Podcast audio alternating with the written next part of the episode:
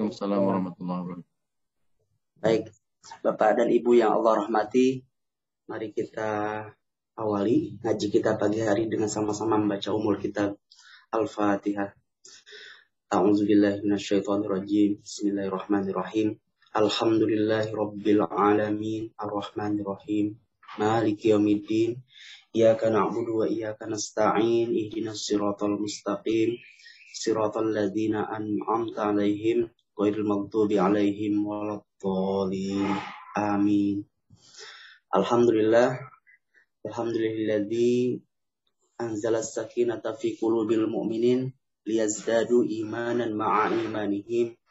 أشهد أن لا إله إلا الله وأشهد أن محمدا عبده ورسوله. لا نبي بعده. اللهم صل على سيدنا محمد وعلى آل سيدنا محمد ala sayyidina Ibrahim wa ala ali sayyidina Ibrahim wa barik ala sayyidina Muhammad wa ala ali sayyidina Muhammad kama barakta ala sayyidina Ibrahim wa ala ali sayyidina Ibrahim fil alamin innaka Hamidum Majid. Bapak dan Ibu yang Allah rahmati, Alhamdulillah pagi hari ini kembali kita ngaji siroh. Kita masih dalam episode serial membahas tentang sahabiah. Dan fokus kita di awal adalah membahas tentang Ummahatul Mukminin, ibu-ibu dari kaum muslimin, yaitu istri-istri baginda Nabi Shallallahu Alaihi Wasallam. Baik, pagi hari ini kita melanjutkan pertemuan kedua untuk membahas tentang ibu kita ibu Bunda Aisyah radhiyallahu an. Uh, pagi hari ini ya pekan lalu kita sempat membahas tentang bagaimana nasabnya, bagaimana prosesi pernikahan Rasulullah dengan Bunda Aisyah. Insya Allah pagi hari ini kita coba melihat ya keutamaan-keutamaan uh, dari ibu kita ya dan untuk juga kita mempelajari sirah ini tidak lain adalah untuk bisa mengambil ibrohnya, mengambil pelajaran untuk kita lakukan, ya, kita contoh ya, kita teladani ya eh, keutamaan-keutamaan tersebut. Baik di antara keutamaan-keutamaan Bunda Aisyah, eh, kita akan coba lihat ya. Eh, saya sudah siapkan beberapa poin. Baik.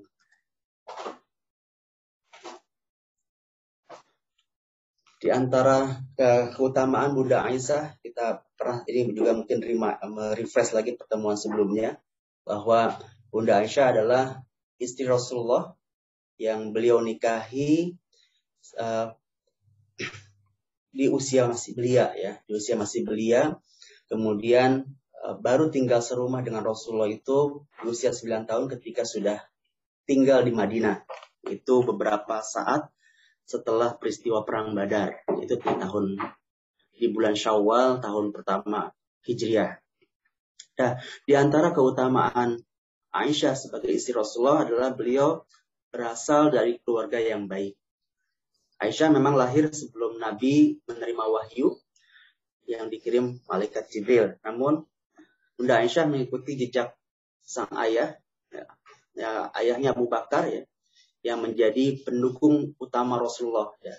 Kita tahu bahwa Abu Bakar adalah uh, laki-laki uh, dewasa pertama yang memeluk agama Islam ini dan beberapa dari uh, beberapa hari atau beberapa saat dari masuk Islamnya Abu Bakar maka masuk Islam pula beberapa sahabat utama yang di antaranya adalah uh, sahabat-sahabat yang dijamin masuk surga ya di antaranya ada Sayyidina Utsman ya Sayyidina Tolha, Sayyidina uh, Ja'far ya. Kemudian juga uh, Abdurrahman bin Auf ya. Karena memang secara secara kedudukan, kemuliaan sebelum Islam uh, mereka adalah orang-orang yang terpandang termasuk juga sesama pebisnis ya, sesama entrepreneur ya. Abu Bakar um, kemudian berhasil mengajak Uh, sahabat-sahabat itu. Jadi punya kedudukan tersendiri Bunda Aisyah karena sebagai juga uh, putra dari Abu Bakar.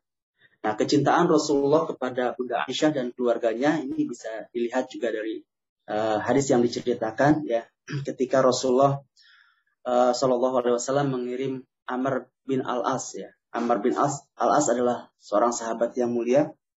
Beliau masuk Islam bersama dua sahabat yang lain ya. Jadi termasuk orang yang masuk Islam menjelang Fatu Mekah bersama dengan Khalid bin Walid dan Utsman bin Tolha. Amr bin As ini orang yang uh, pandai sekali ber ini ya uh, bernegosiasi ya pandai sebagai sebagai pemimpin ya karena memang dibin, uh, di, dibentuk uh, dari dari keluarga pemimpin. Amr bin As ini Amr bin As ini ya adalah orang yang kemudian kelak akan berhasil dia memimpin uh, kaum muslimin untuk membebaskan kota Mesir atau uh, Mesir betul ya. Mesir terbebaskan uh, berkat berkat biasanya Amr bin As. Nah, ketika suatu ketika Rasulullah mengirim Amr bin As sebagai pemimpin tentara di uh, Dat As-Salasil ya. Amr bin As ini berkata ya, saat kembali aku bertanya kepada Rasulullah, siapa yang paling kau cintai? Dia menjawab Aisyah. Ya.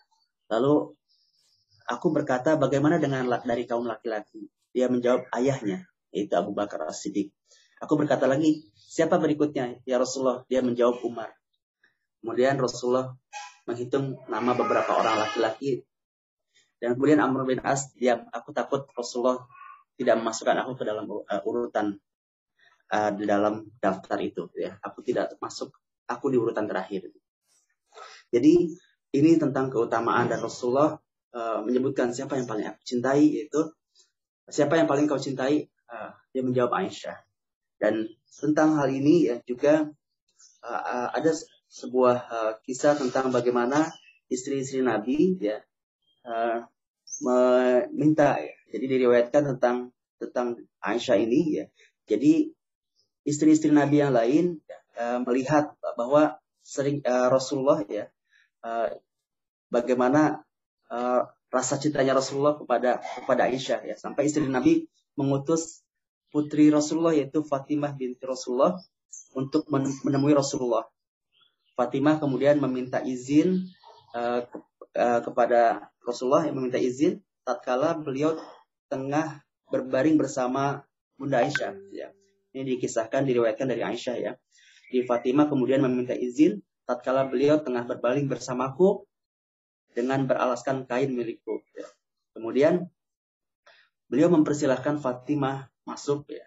Fatimah berkata, wahai Rasulullah, istri-istrimu mengutusku, mereka memintamu berlaku adil terhadap putri Abu Kuhafa. Ya.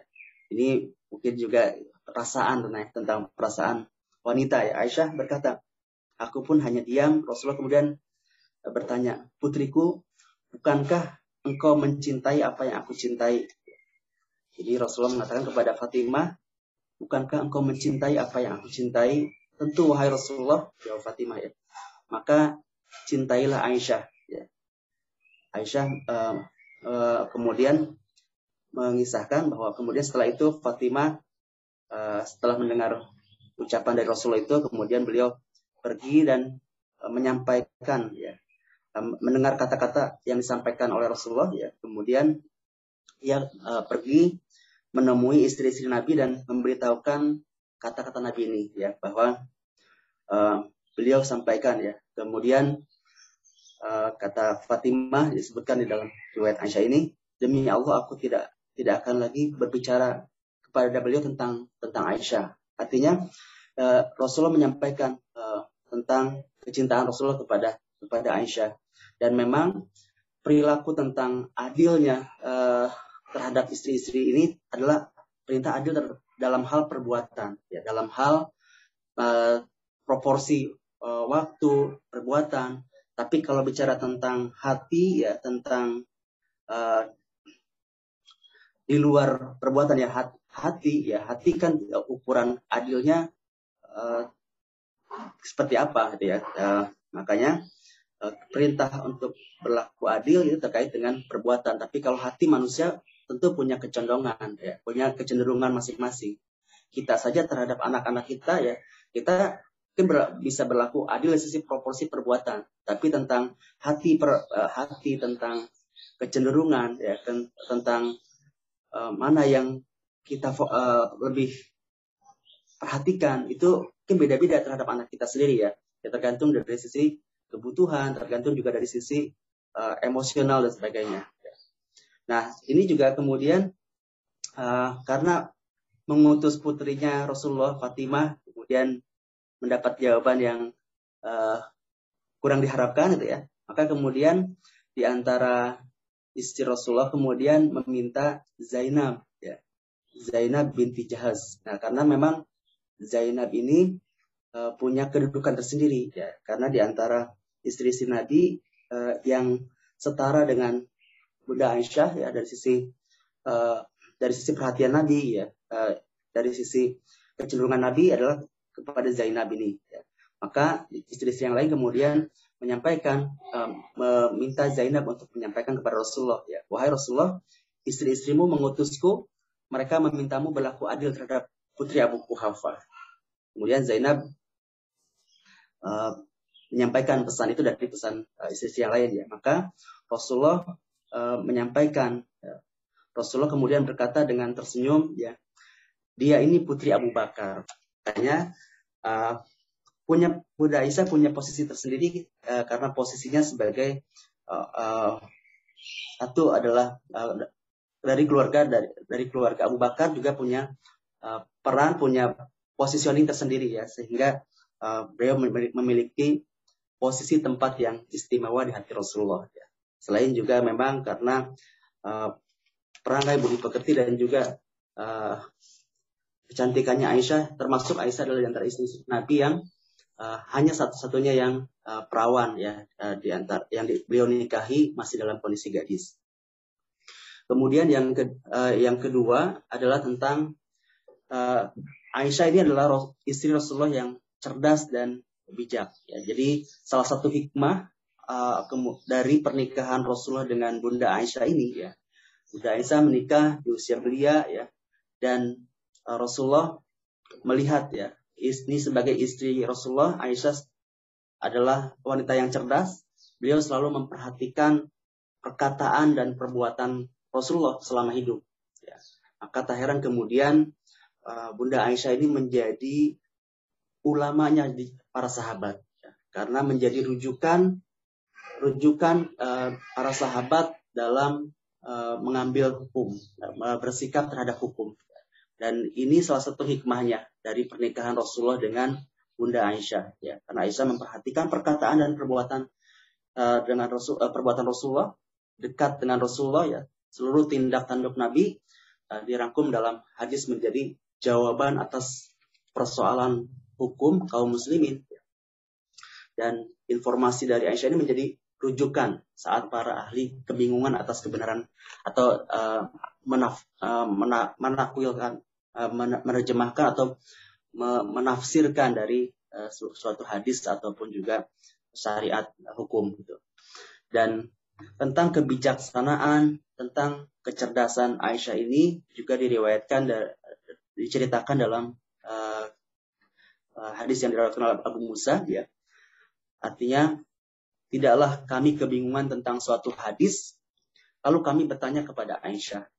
Kecuali kami mendapatkan jawaban dari sisinya ya. Artinya uh, para sahabat ini ya ini ini orang-orang uh, uh, lingkaran satu ya generasi terbaik jadi dari umat ini ya. Setelah wafatnya Rasulullah kemudian juga menjadi rujukan.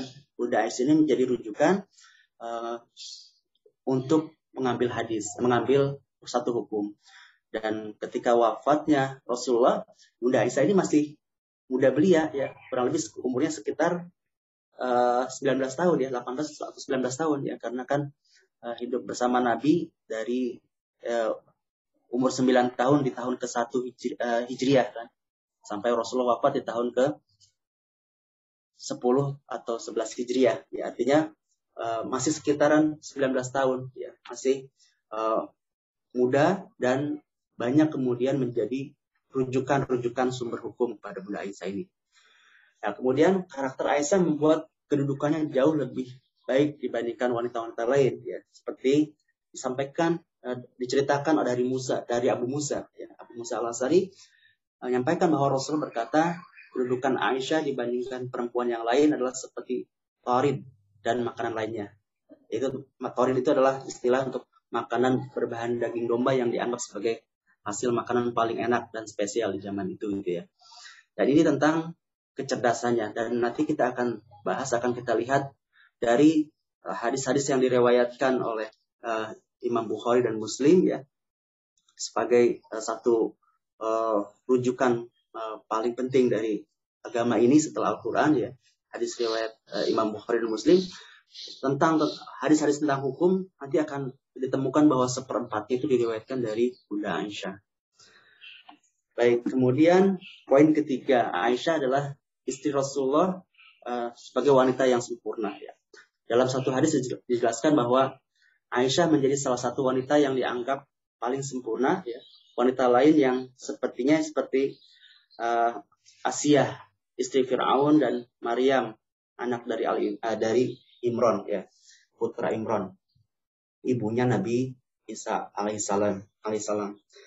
Uh, di, di dalam uh, di, seperti yang dinarasi, dinarasikan dari Abu Musa al Asari ya bahwa Rasulullah berkata beberapa pria telah mencapai kesempurnaan namun tidak ada wanita yang mencapai kedudukan tersebut kecuali Maryam binti Imran dan Asiyah istri Fir'aun dan dijadikan Aisyah di, dibandingkan perempuan lain seperti torib dan makanan lainnya tadi seperti yang kita bahas ya. Aisyah kemudian uh, diceritakan mendamping Rasulullah hingga meninggal dunia. Dan Aisyah ikut mengurus kepentingan umat dengan menyediakan informasi seputar, seputar praktek Islam sesuai dengan ajaran Nabi Shallallahu Alaihi Wasallam. Jadi tentang uh, ini kedudukannya Bunda Aisyah. Nah, poin keempat ya, ini uh, satu peristiwa yang besar yang menimpa Bunda Aisyah kemudian menjadi uh, peneguh juga kedudukan beliau ya. Uh, peneguh kedudukan beliau kita pernah bahas tapi nanti kita uh, highlight lagi ya peristiwa tentang hadisul ifki ya tentang berita bohong yang pernah menyebar di, di tengah kaum muslimin ketika Rasulullah masih hidup ya. ya seperti diceritakan ya bahwa Aisyah pernah dituduh berselingkuh dengan pria bernama Sofwan bin Al-Mu'affal ya. Uh, Aisyah membela diri dengan mengatakan yang benar tentunya. Namun nggak ada bukti yang mendukung ya. Uh, tapi kemudian Allah kemudian membebaskan uh, Bunda Aisyah ya uh, dari tuduhan-tuduhan itu ya. Dan uh, dalam dalam kisah uh, tentang hadisul ifki ini atau berita bohong yang uh, menuduh Bunda Aisyah ini adalah satu peristiwa uh, besar tentunya ya bahkan itu uh, bisa sampai membuat perang saudara ya di antara kaum muslimin ya. Tapi ada hikmah besar ya ini juga menegaskan ya, tentang uh, kebenaran Aisyah, tentang posisi uh, Bunda Aisyah ya. Dan uh, bukan main-main ya. Bahkan yang membenarkan kebenaran Aisyah ya, kesucian Aisyah itu uh, bukan hanya uh, dengan kata-kata manusia tapi Allah melalui wahyu Allah uh, membenarkan uh, Aisyah dari ayat wahyu yang diturunkan dalam surat An-Nur yang kita baca sampai saat ini yang manusia akan baca sampai dengan hari kiamat nanti ya. Ini sebagai sebuah balasan ya atas kesabaran Bunda Aisyah menerima ujian atas peristiwa hadisul ifki ini. Mungkin dalam kisah-kisah yang lain ya. Ada kisah tentang uh, ibun ibunda Nabi Isa ya. Uh, Maryam ya. Itu juga pernah dituduh berzina kan. Bertuduh pernah dituduh karena punya anak uh, tanpa suami ya. Tapi kemudian dibantah dengan uh, dibantah dengan uh, mujizat yang Allah berikan kepada Nabi Isa ya. Bayi yang uh, masih bicara ya. Kayak bayi yang bisa bicara ya anak uh, anak dalam buayan yang bicara uh, mengatakan tentang membantah tentang tuduhan uh, ibunya ibunya berzina ya.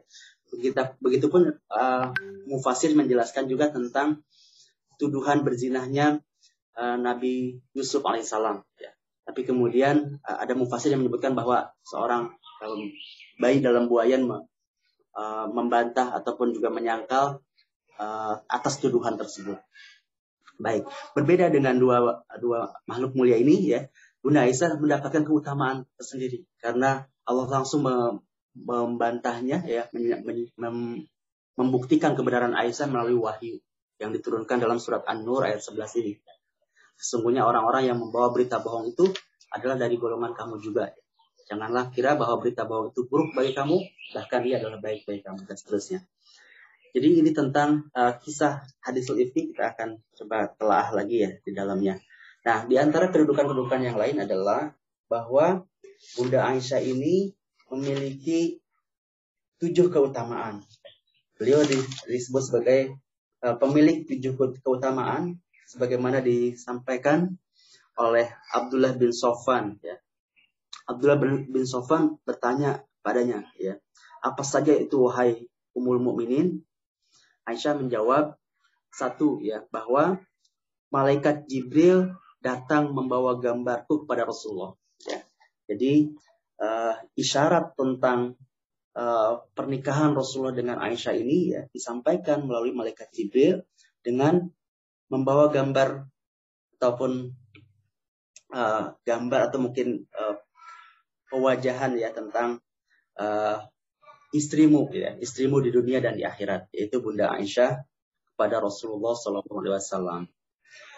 Yang kedua uh, Rasulullah Shallallahu Alaihi Wasallam menikahiku saat aku berusia tujuh tahun ya aku diserahkan kepada beliau saat berusia sembilan tahun ya jadi menikah waktu di Mekah, tapi kemudian serumah setelah di Madinah.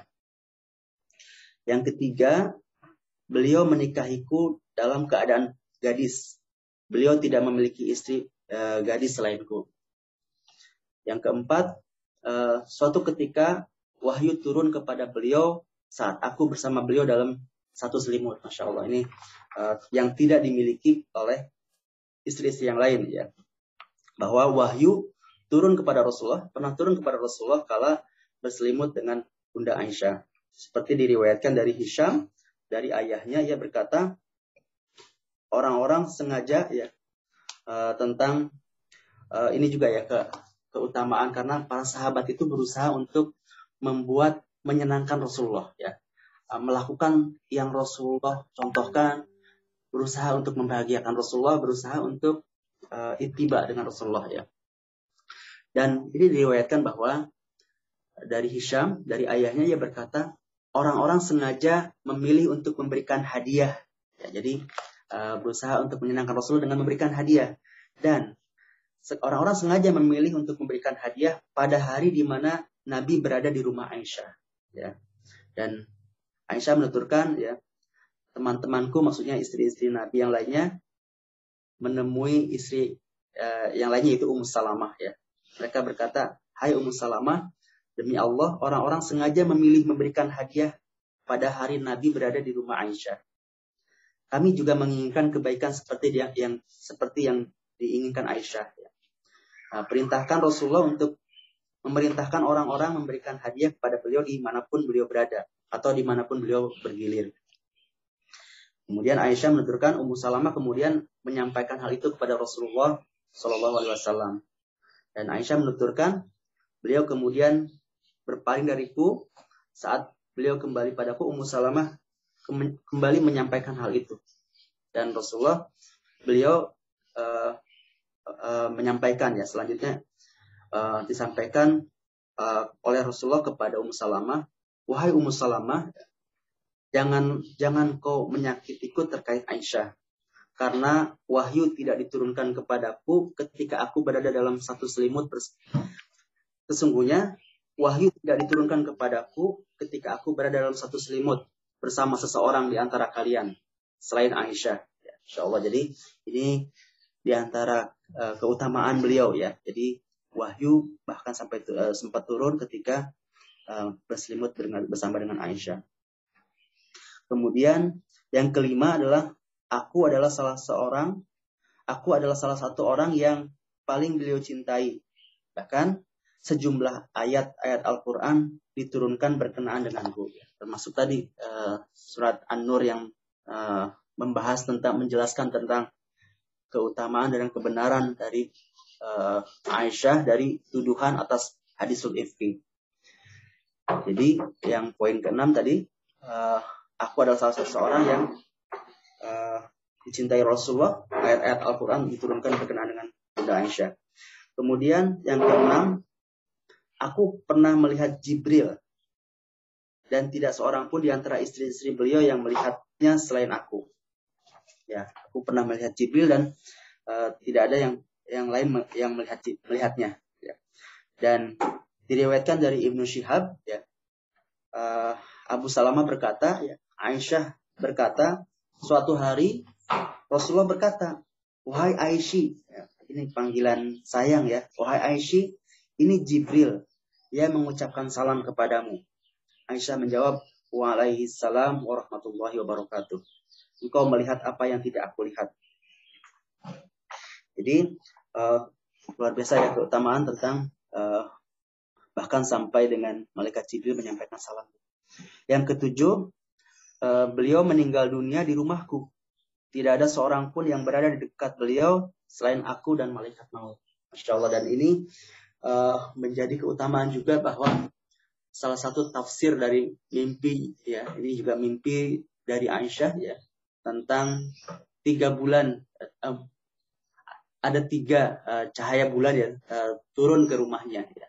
salah satu tafsirnya kemudian ditafsirkan dengan uh, tiga manusia uh, uh, yang mulia ya, yang terbaik yaitu Rasulullah, kemudian Abu Bakar dan Umar bin Khattab itu dimakamkan di kamarnya Aisyah. Ya, jadi kalau sekarang kita uh, ber apa namanya berziarah ya, kita ke Madinah ya, kita bisa uh, ke apa namanya berziarah ke makam Rasulullah di sana ya, di situlah kamar ibu kita Aisyah ya, dan di sana juga ada Sayyidina Umar dan Sayyidina Abu Bakar dan Sayyidina Umar ya.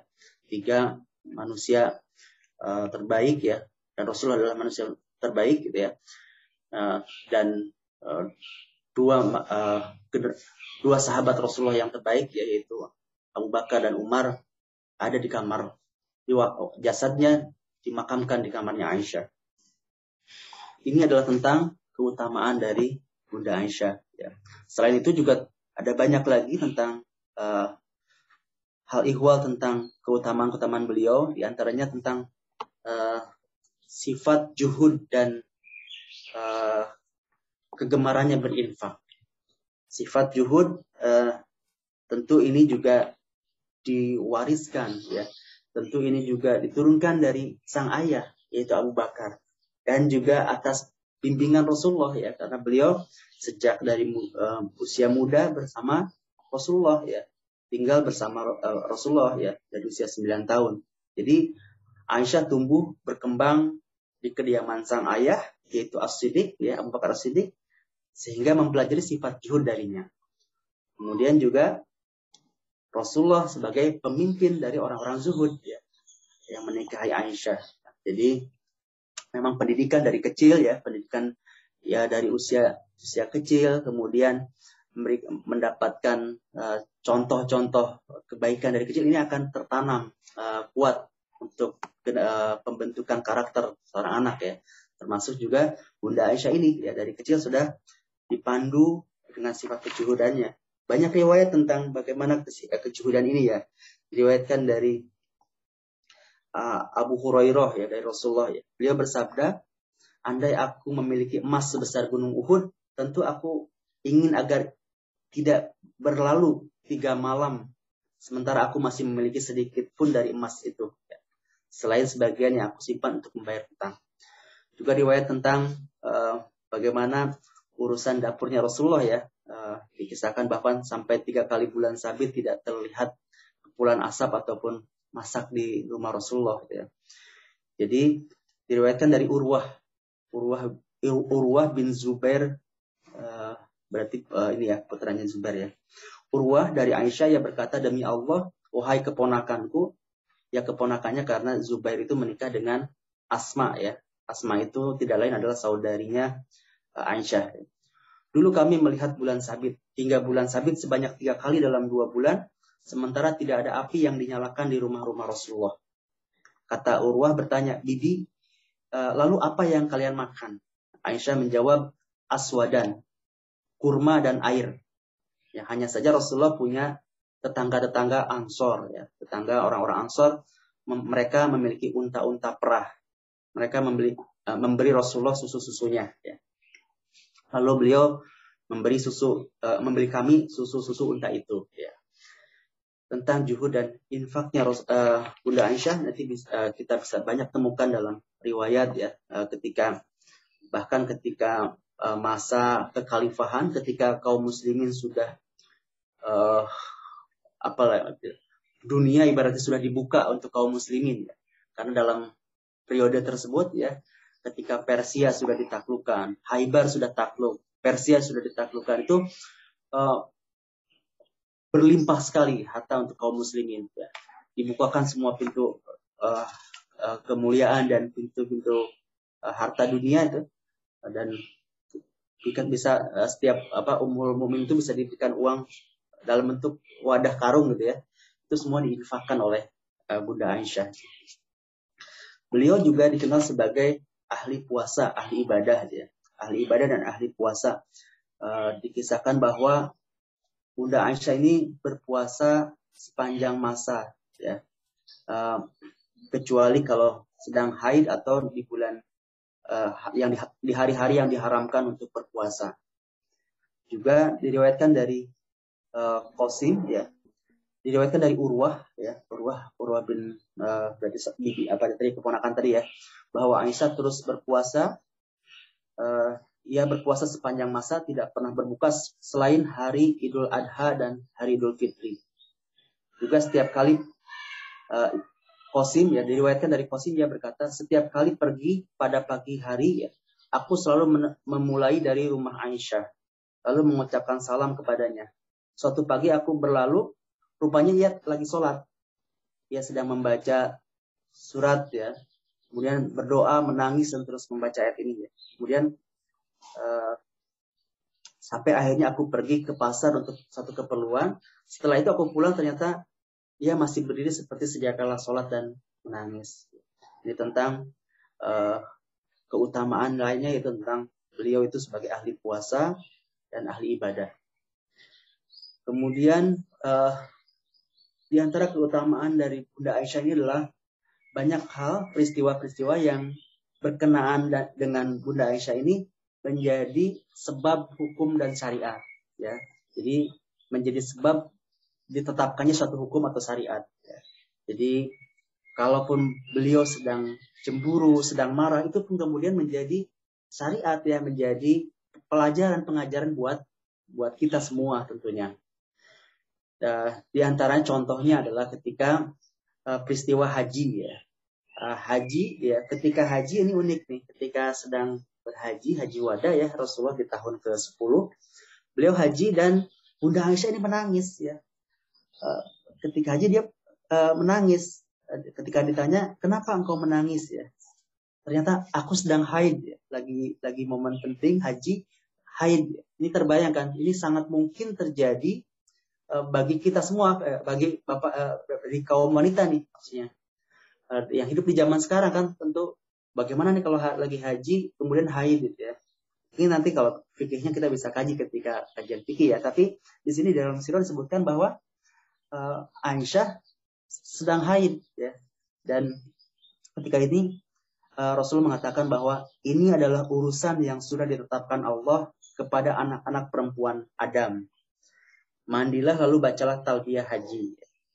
Uh, sabda Rasulullah ya. Aisyah melakukan perintah Rasulullah dan menghadiri seluruh tempat pelaksanaan haji. Setelah suci ia baru tawaf di Ka'bah, sa'i dan dari antara Sofa dan Marwah ya. Uh, kecuali uh, tawaf kan harus dalam keadaan bersuci ya. Setelah itu beliau bersabda ya, kau telah tahalul dari haji dan umrohmu. Ya. Aisyah berkata, wahai Rasulullah, aku uh, merasa belum tawaf di Ka'bah sebelum aku berhaji. Ya. Rasulullah uh, ini yang sangat ramah ini ya. Setiap kali Aisyah menginginkan, menginginkan, menginginkan sesuatu ya, uh, Rasulullah menurutinya. Ya. Rasulullah turuti itu ya. Beliau kemudian mengutus uh, saudaranya yaitu Abdu, Abdurrahman. Ya. Abdurrahman bin Abu Bakar ini saudara seayah dan seibu ya dari Aisyah untuk membantu mengantar uh, Aisyah ya, ya untuk melakukan tawaf ya menyempurnakan ibadah haji dan umroh dan mengambil mikotnya di Tanim. Jadi kita saat ini kalau lagi umroh pun demikian ya, uh, mau sudah umroh dari Madinah, dari Bir Ali, ngambil mikot di sana kemudian umroh kan. Kalau sudah di Mekah, di kota Mekah mau umroh lagi, yang mana yang terdekat itu? Salah satunya mengambil mikot dari Masjid Aisyah atau di Masjid Tanim. Jadi ini menjadi syariat buat kita ya, yang saat ini mungkin ingin mengulang lagi ya, me, uh, umroh ketika sudah di Mekah, kita bisa mengambil mikot ataupun berniat untuk uh, berikhram itu di Masjid Aisyah atau di uh, Tanim. Ini uh, tentu menjadi hikmah menjadi berkah buat kita ya uh, untuk tentang tata tentang tata dan uh, tata cara dan syariat ini.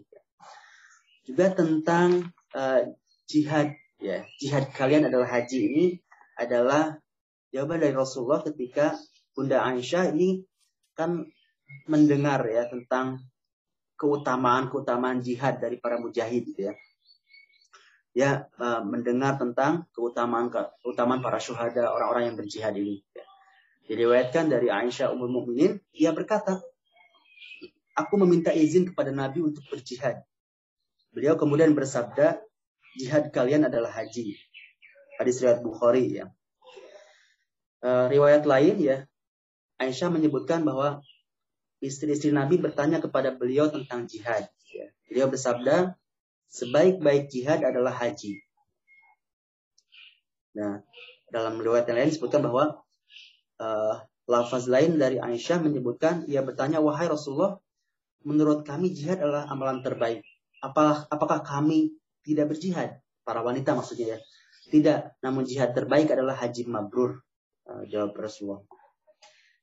Kemudian uh, tentang perannya ya. Ini kita akan lihat bahwa peran wanita di medan jihad seperti apa nih yang dilakukan oleh Bunda Aisyah. Ternyata Bunda Aisyah ketika di Madinah berarti masih usia belasan ya. Uh, beliau pun ikut serta dalam uh, peristiwa Uhud. Ya sebagai apa? Sebagai uh, penyedia air ya, logistik buat para mujahid ya, untuk para pejuang tentara kaum muslimin ya. Jadi kaum kaum wanitanya itu kaum wanita ini membantu uh, untuk menyediakan air ya. Ini diriwayatkan dari Anas bin Malik ya, meriwayatkan tugas yang diperankan Ummul Mukminin Aisyah dalam peperangan ini yaitu perang Uhud. Ya. Aku melihat Aisyah binti Abu Bakar dan Ummu Sulaim. Keduanya menyingsingkan lengan baju. Ya. Aku melihat gelang kaki di kaki mereka. Ya tentu sebelum turunnya ini ya ayat tentang hijab ya. Mereka berdua uh, memikul gerabah air. Lalu mereka tuangkan uh, untuk para mujahid. Ya.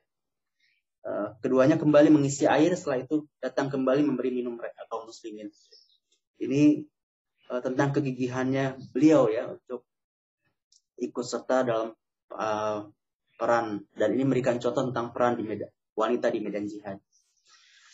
Kemudian uh, contoh lagi yang menjadi tentang syariat ya.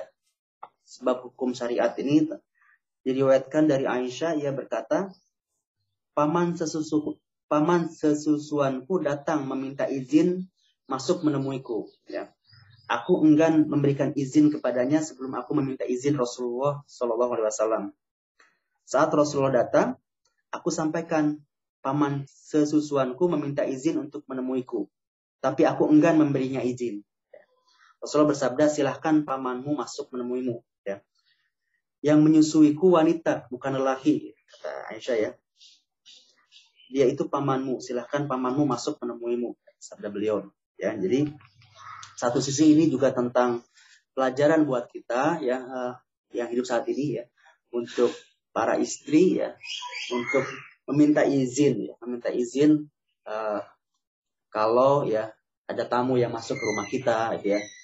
Uh, meskipun itu dari kerabat dari keluarga kita ya. Uh, itu uh, contoh adab ya dan seperti inilah seharusnya rumah tangga kaum muslimin makanya seperti itu baik Kemudian uh, tentang berkahnya Aisyah ini ya uh, bisa kita lihat juga dengan kisah tentang turunnya syariat tayamum ya. Kita mengenal syariat tayamum saat ini ya. Kita dimudahkan dengan syariat ini dengan adanya tayamum ini juga uh, tidak lepas dari kisah dan dengan Aisyah ini. Di antara berkah ibunda kita Aisyah ini adalah tentang tayamum ya. Uh, berkah yang tak ternilai buat kita ya. Uh, berkahnya. Allah menurunkan ayat tayamum karenanya untuk memberikan kemudahan, kemudahan kepada kita kaum muslimin dan tentu ini adalah sebuah berkah yang berlapis-lapis ya. Diriwayatkan dari Aisyah, dia berkata, suatu ketika kami bepergian bersama Rasulullah Shallallahu Alaihi Wasallam hingga setelah kami tiba di Baida atau di Zatul Jais ya sebuah tempat itu ya kalung milik Aisyah ya kalungku jatuh lalu Rasulullah Shallallahu Alaihi Wasallam mencari-carinya. Ya. Rombongan juga ikut mencari, padahal mereka tidak punya persediaan air. Orang-orang kemudian menemui Abu Bakar As-Siddiq. Mereka berkata, Tidakkah kau melihat apa yang dilakukan Aisyah? Ia menahan laju Rasulullah dan rombongan, padahal mereka tidak punya persediaan air. Abu Bakar kemudian menemui Rasulullah Shallallahu Alaihi Wasallam yang kala itu tengah tidur dengan meletakkan kepala di kedua pahaku. Ia berkata, kau menahan Rasulullah dan rombongan, padahal mereka tidak memiliki persediaan air. Maksudnya Abu Bakar menegur Aisyah putrinya. Gitu. Aisyah menuturkan, Abu Bakar menegurku seperti yang Allah kehendaki untuk ia ucapkan. Ya, tentu ini uh, atas kehendak Allah ya. Lalu menekan lampuku dengan tangannya. Aku tidak bisa bergerak sedikit pun karena Rasulullah tengah tidur di atas uh, kedua pahaku. Pada pagi harinya, Rasulullah Shallallahu Alaihi Wasallam bangun, namun tidak memiliki persediaan air. Allah kemudian menurunkan ayat tayamum, lalu para rombongan tayamum. Usaid bin Hudayr berkata, ini bukan berkah pertama kali eh, pertama kalian, wahai keluarga Abu Bakar. Aisyah menutup, meneruskan, kami kemudian menggusah unta yang uh, aku tunggangi agar berdiri Lalu kami menemukan kalung itu di bawahnya. Ternyata kalungnya itu ada di bawah untanya Aisyah yang Aisyah tunggangi ya. Jadi ini uh, sebagai sebab ya, sebagai berkah kemudian uh, menjadi asbab nuzul tentang turunnya ayat tayamum. Dan mungkin banyak lagi uh, kita bisa temukan nanti banyak lagi tentang uh, riwayat uh, sebab-sebab syariat dari dari Aisyah ini. Baik, tuntas sudah pernah bilang mimpi itu, ya ini terkait dengan tadi mimpinya Aisyah yang uh, bermimpi ya bahwa salah satu kemuliaan paling agung yang diraih ibu kita Aisyah ini adalah bahwa tiga orang besar dalam sejarah Islam dikebumikan di kamarnya. Ya. Yang paling mulia, paling agung di antaranya adalah yang paling mulia dan paling agung adalah Rasulullah ya, yang dimakamkan di kamar Aisyah. Selanjutnya ada Abu Bakar, setelah itu ada Umar dan ini bentuk kerelaan, bentuk uh, apa namanya mengutamakan orang lain ya uh, ketimbang kebutuhan dia sendiri ya. Uh, bagaimana sebenarnya Bunda Aisyah juga berharap uh, beliau dikebumikan di samping sang suami, di samping sang ayah ya. Tapi ketika uh, Khalifah Umar bin Khattab itu meminta kepada putranya Abdullah bin Umar ya sampaikan kepada ibunda kita, ibunda Aisyah itu ya. Minta, uh, Umar bin Khattab meminta izin untuk dikemumikan bersama dengan dua dua kekasihnya, dua sahabatnya yaitu Abu Bakar, uh, Rasulullah dan Abu Bakar ya. Dan Bunda Aisyah memberikan izin res, restunya ya. Maka uh, itulah dia ya tentang kemuliaan agung ini ya bahwa di kamarnya ini pula saat ini uh, jasad Rasulullah Abu Bakar dan Umar uh, berada. Tentang uh, keutamaan yang uh, lainnya adalah tentang berkahnya pernikahan Rasulullah dengan Aisyah ini bahwa beliau sebagai wanita fakih ya, sebagai uh, orang yang uh, fakih paham dengan agama dan banyak meriwayatkan hadis ya. Dan dari Urwah bin Zubair mengatakan bahwa aku tidak mengetahui seorang pun yang lebih mengetahui ilmu fikih, pengobatan, dan syair melebihi Aisyah. Ya. Jadi uh, ini tentang uh, keutamaan dari Bunda kita Aisyah karena uh, banyak hadis ya yang diriwayatkan dari dari Aisyah. Bahkan disebutkan bahwa seperempat syariat diriwayatkan darinya. Ya. Seperempat syariat diriwayatkan darinya. Kenapa demikian? Ini mengutip dari ungkap ungkapan Abu Al Hafiz Abu Hafiz Umar bin Abdul Majid Al Quraisy Al Mayanshi ya. Ia menuturkan kitab Sahih Bukhari dan Muslim berisi 1200 hadis tentang hukum. Sekitar 290 hadis di antaranya diriwayatkan dari Aisyah. Semuanya tentang hukum. Hanya sedikit saja yang berada di luar hukum. Ya. Al-Hakim Abu Abdullah berkata, untuk itulah seperempat syariat diriwayatkan darinya. Insya Allah ya. Ya, kemudian tentang uh, tentang uh, poin dari uh, pernyataan dari Urwah bin Zubair ini, aku tidak mengetahui seorang pun yang lebih mengetahui ilmu fikih ya. Pengobatan dan syair melebihi Aisyah. Uh, tentang uh, keutamaan mengetahui ilmu fikih tidak asing ya, tidak tidak aneh ya. Jadi Urwah mengatakan ya kepada Aisyah, wahai ibunda, aku tidak heran dengan pemahamanmu, ya, karena engkau adalah istri Nabi Shallallahu Alaihi Wasallam dan putri Abu Bakar. Aku juga tidak heran dengan pengetahuanmu di bidang syair, ya, karena disebutkan bahwa ilmu fikih, pengobatan dan syair. Aku juga tidak heran dengan pengetahuanmu di bidang syair dan sejarah peperangan Arab, karena engkau adalah putri Abu Bakar kita tahu bahwa Abu Bakar adalah tokoh uh, kaum muslimin, tokoh Quraisy yang paling mengetahui nasab dan paling mengetahui tentang keutamaan-keutamaan nasab di Quraisy itu sendiri. Ya. Karena engkau adalah putri Abu Bakar. Ia adalah orang yang paling berilmu. Namun yang membuatku heran, kau tahu tentang pengobatan. ya. Aisyah tahu tentang pengobatan. Dari mana kau mempelajari ilmu itu? Ya. Aisyah kemudian menepuk pundakku lalu berkata, Wahai Urayyah, ya, Rasulullah sering sakit di akhir-akhir usia beliau. Dan utusan-utusan Arab banyak yang datang dari mana-mana. Lalu mereka memberikan resep-resep untuk beliau. Akulah yang membuatkan obat-obatan untuk beliau. Dari situlah aku tahu ilmu pengobatan. Masya Allah, ini cerdas ya, luar biasa ya. Juga diriwayatkan dari Hisham, dari ayahnya ia berkata, Aku mendampingi Aisyah, belum pernah aku melihat seorang pun yang lebih mengetahui ayat yang diturunkan, kewajiban, sunnah, syair maupun riwayat melebihinya.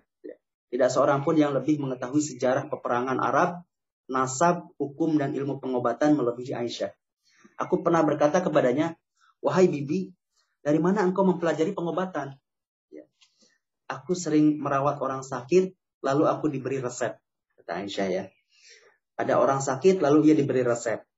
Dan aku mendengar orang-orang saling memberi resep obat satu sama lain. Ya. Lalu aku menghafalnya. Insya Allah ini kekuatan kejernihan uh, dari Bunda Aisyah ya. Dan begitulah Bunda Aisyah menuturkannya. Dan uh, baik ini tentang di antara nilai dan kedudukan dari Bunda Aisyah ini ya. Dan beliau ya kemudian uh, banyak kisah lagi ya tentang beliau uh, melebihi uh, nanti juga pasca wafatnya Rasulullah ya bagaimana uh, peran uh, Bunda Aisyah ya uh, untuk menjelaskan hukum-hukum uh, yang kemudian menjadi rujukan uh, para sahabat ya dan beliau kemudian nanti uh, ikut serta dalam peristiwa uh, perang Jamal ya Nah, nanti mungkin terpisah ya tentang peran Jamal ini kita akan bahas terpisah. Dan kemudian beliau akhirnya wafat pada uh, tanggal 17 Ramadan ya. Pada bulan Ramadan 59 Hijriah ya. Berarti umurnya sekitar 60 berapa ya? 59 ditambah 9 68 tahun ya kurang lebih ya. Uh, sekitar 68 tahun umur pada bulan Ramadan bulan tahun 59 Hijriah, Ummul Mukminin Aisyah jatuh sakit. Ia kemudian uh, dimakamkan, ia berwasiat untuk dimakamkan di Baki bersama teman-teman sesama ummahatul mukminin dan ahlul bait Rasulullah ya. Jadi sekarang uh, jasad dari uh, Ummul Mukminin Aisyah ini kita uh, bisa ziarahi di pemakaman Baki ya. Di sebelah sebelah kanan atau, atau kiri ya. Sebelah kiri ya. Mungkin dari dari Masjid Nabawi ya saat ini ya. Baik.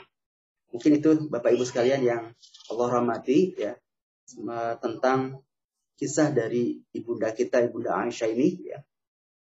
Dan beliau ya wafat ya uh, dan tentu memberikan banyak hikmah keberkahan ya uh, dari uh, kehidupan Bunda Aisyah ini bersama Rasulullah ya. Dan ini salah satu hikmah juga hikmah dari pernikahan Rasulullah ya. Karena Rasulullah menikah dan tidak menikah itu dibimbing oleh wahyu ya. Termasuk menikahi Aisyah ini berkah yang sangat berlapis-lapis untuk kita kaum muslimin tentunya demikian yang bisa saya sampaikan kurang lebihnya mohon maaf kalau ada kekurangan dalam hal penyampaian. Uh, silakan kalau ada tambahan mungkin untuk melengkapi kajian kita pagi hari ini, diskusi maupun juga pertanyaan.